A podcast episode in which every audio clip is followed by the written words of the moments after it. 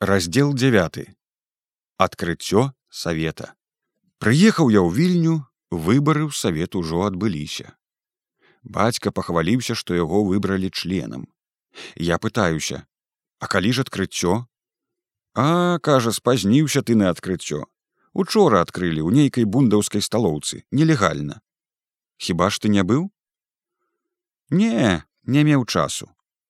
Пытаюся якія ж вынікі выбараў Ён крывіцца, марудзіць мне з адказам. Нічога, кажа, з гэтага савета не будзе. Чаму?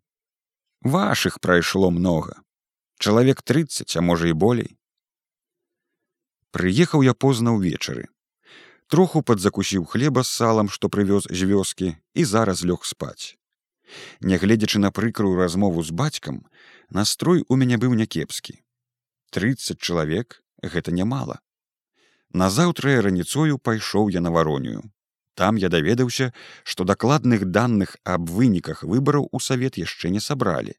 Але камуністаў прайшло не 30, як казаў мне бацька, а чалавек 70, калі не болей.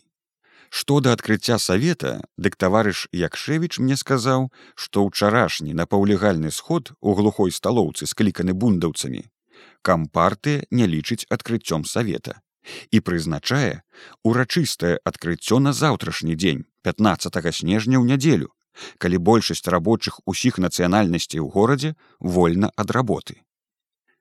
Месцам адкрыцця кампартыя прызначыла самую лепшую залу ў горадзе мескую гарадскую залу на вастрабрамскай вуліцы. У гэтай зале быў я на хадэцкім мітынгу Цяпер праз салдаты нарад дзясятай нямецкай арміі ішлі перагаворы з вышэйшым нямецкім камандаваннем, каб зала была дадзена. У выпадку адмовы камуністы пагражалі немцам арганізаваць усеагульную забастоўку. Потым пайшоў я да таварыша Рома, зрабіў падрабязную справаздачу. Таварыш Ром неспадзявана для мяне, хоць праўда, асцярожна і ўмеркавана, але пахваліў мяне. І я акрылеў вырас сам у сваіх вачах. І мне ўжо здавалася, што ўсё мы зможам, усё сходаем і што калі б я ізноў паехаў на тую работу, дык ужо зрабіў бы яе ў сто разоў разумней і лепей. На другі дзень 15 снежня 1918 года пайшлі мы з юзяю на варонюю у сталоўку клуба. І сёння нядоўга стаяў я там перад дошкаю са спісам страў і мала меркаваў і амаль што не вагаўся. Ды і сталоўка для такога дня таксама падцягнулася. Узялі мы па талерцы супу, па талерацы венегрэту і па 150 грамаў хлеба. Суп быў на касцях з бульбаю і крупкамі, вельмі спажыўны і смачны. А венегрэт быў з чырвоных салодкіх бурачкоў, кавалачкаў бульбы, морквы і з цыбулькаю абліты алеем і цёпленькі падагрэты. Хлеб быў добры, спраўдзівыя жытнія мукі добры хлеб. Наеліся ой як. Троху затрымаліся падумалі і ўзялі яшчэ па порцыі прасяная кашы з малаком наеліся смачна і дзе наша не прападала купілі бутэльку сітра і напіліся смагла. Паабедалі прыйшлі дамоў юзінага бацькі не было. Пайшоў на вёску купіць па сходнай цане бульбы. А мой быў ужо дома і прынёс свае меншавіцкае сталоўкі некалькі таблетак сахарыны. І Юзя згатавала на лучыначках імбрычак і селі мы ў траіх піць гарбату. Юзя сцяснялася класці цэлую таблетку ў шклянку, хоць і любіла салодзенькая. А бацька мой заўсёды надта гжэчна частаваў яе. А я паклаў сабе дзве таблеціны адразу, співаў яго сахарыну і спрачаўся з ім найбольш удала, чым калі раней бо чуў у гэты ўрачысты дзень сваю моц і быў у добрым настроі. А ён яшчэ петушыўся, але ўжо не так, як бывала. Юзя ніколі ў нашы спрэчкі не мяшалася і толькі моўчкі слухала. Ёй тады было ўсё роўна: бальшавікі, меншавікі. У гэтую пару года дні вельмі кароткія, пакуль тое ды сёе ўжо і сутоніла. Але сёння дзень цягнуўся для мяне даўжэй бо я чакаў вечара. Ну вось, напіліся мы гарбаты, юзя мые кубкі, а я напранаюся ісці на дэманстрацыю.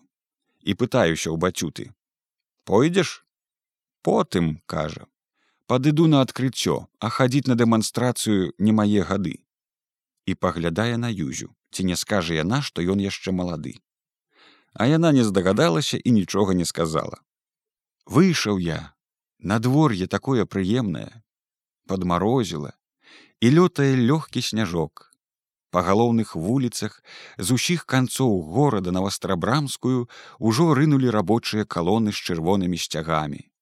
Ігралі аркестры музыкі. Вось ідзе саюз краўцоў падыходжу я да вячаслава кобака. Ну кажу яму здароў кравецкі дэпутат віншую ён як заўсёды вясёлы чырвоны прыгожы не хлопец а карцінка Кажа, немцы рабілі спробу разагнаць іх, але скора адчапіліся, бо па-першае, далі ім добранькі адпор, а па-другое, яны скора самі ўбачылі, што ўся рабочая вільня выходзіць сёння на вуліцу. Дайшоў я з ім у іх калоне назад да вастрабрамскай. А там якраз супроць нізкіх акон нашыя кватэры, ці тое пакоя ў сутарэнні і спыніліся, сталі, далей і не прайсці так мнагалюдна.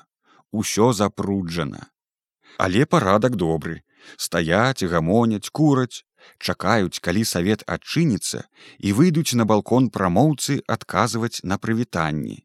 Аркестры іграюць на пераменку. Каля самых дзвярэй залы спаткаў я дзядзьку туркевіча віншую кажа браток віншую і сам міла смяецца ад радаснага ўздыму Ён ужо быў у зале некуды бегаў і зноў бяжыць назад Ён жа таксама дэпутат. Кажа, зараз савет адчыніцца, усе дэпутаты сабраліся. Разам з ім увайшоў я ў залу. Светла, прыбрана, мнагалюдна. Прыбіраў ракоўскі, кажа мне дядзька Туркевіч. Вось ён пахаджае наш гаспадар. А таварыш ракоўскі, стораж клуба на вароней. Сапраўды, ходзіць, задраўшы галаву, аглядаеце ўсё ў парадку, і сам любуецца на сваю работу.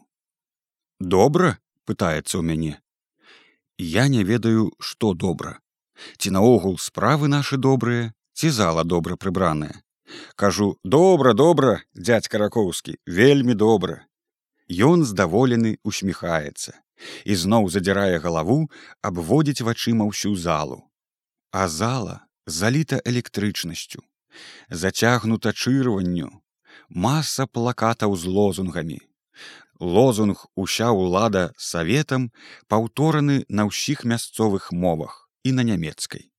Каля рампы два вялікія ў натуральную велічыню партрэты. З аднаго боку Карл Маркс, з другога боку Фрыдрых Энгельс. Настрою ва ўсіх прыўзняты. Шумныя гутаркі, сяброўскія спатканні, таварыскія прывітанні, радасныя воклічы зараз адкрыццё я лезу на хоры пасля нарады фракцый аказалася што ўсяго выбрана ў савет звыш 200 дэпутатаў у тым ліку 96 камуністаў і яшчэ некалькі спачуваючых ім з іншых партый найбольш галасоў сабраў бунт Потым ішлі сацыял-дэмакраты літвы, эсеры, сацыял-дэмакраты інтэрнацыяналісты, літоўскія народнікі, пуалейцыяністы. Адразу ж пачаўся бой за месцы ў прэзідыуме. Неспадзеўкі для мяне, кам фракцыя не згаджалася дапусціць у прэзідыум прадстаўнікоў іншых партый, апрача прадстаўнікоў бунда і сацыял-дэмакратаў інтэрнацыяналістаў. Мушу прызнацца што пазіцыя камфракцыі здалася мне спярша як бы крыху нейкім гвалтам над правамі іншых партый. Настолькі яшчэ быў я тады наіўны і палітычна слабаразвіты. Бунт і іншыя партыі стаялі на прынцыпе прапарцыянальнасці. Але пасля доўгіх і вельмі гарачых спрэчак прадстаўнік камфракцыі катэгарычна заявіў або нам большасць у прэзідыуме або мы зусім не ўваходзім у прэзідыум. Тут жа у мяне і ва ўсіх на вачах бунт спалохаўся і згадзіўся на ўмовы камфракцыі. Ён баяўся немцаў і польскай буржуазіі і таму не хацеў браць на сябе адказнасці за работу савета. І я падумаў: ну, раз вы баіцёся, няхай жа большасць будзе таму, хто не баіцца і супакоіўся. І быў рад калі ў прэзідыум прайшло ажно пяць камуністаў. Ад іншых жа партый у прэзідыум былі выбраны тры бундаўцы і адзін сацыял-дэмакрат інтэрнацыяналіст. 5 на 4 старшынёю і сакратаром савета былі выбраны з членаў прэзідыума таксама камуністы.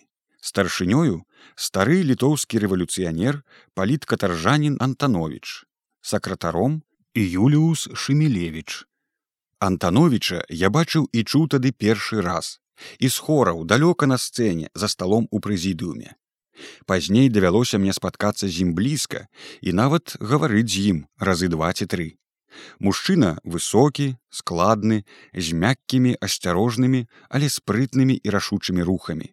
Твар тонкі, пагляд быстры і востры. Ува ўсім ім было штосьці ад старога бывалага ваўка і ад гордага моцнага арла. Гаварыў ён гучным голасам, у якім толькі на самых высокіх нотах зрэдку чуваць была стрыманая рэзкасць, след перажытых моцным чалавекам вялікіх пакут і сядзеў за сталом у прэзідыуме ён антанович і сядзеў там побач з ім сваёй вечнаю прыветную і бесклапотнай усмешкаю малады страбок сакратар савета юліус шемілевич і сядзеў там побач з імі на маю радасць і гордасць член прэзідыума савета адкам фракцыі таварыш баніфацы вяржбіцкі дядзька баніфацы шавец з варонія вуліцы. Быў ён сёння ў сваім чыстым святочным касцюме карым у палоску але быў ён і сёння як заўсёды задумлівы і хацелася мне крыкнуць яму з хораў праз залу праз галовы дэпутатаў з-паміж якіх была дзесьці там і галава майго бацькі хацелася вясёла і радасна крыкнуць усміхніся ж ты! Усміхніся дядзька вяржбіцкі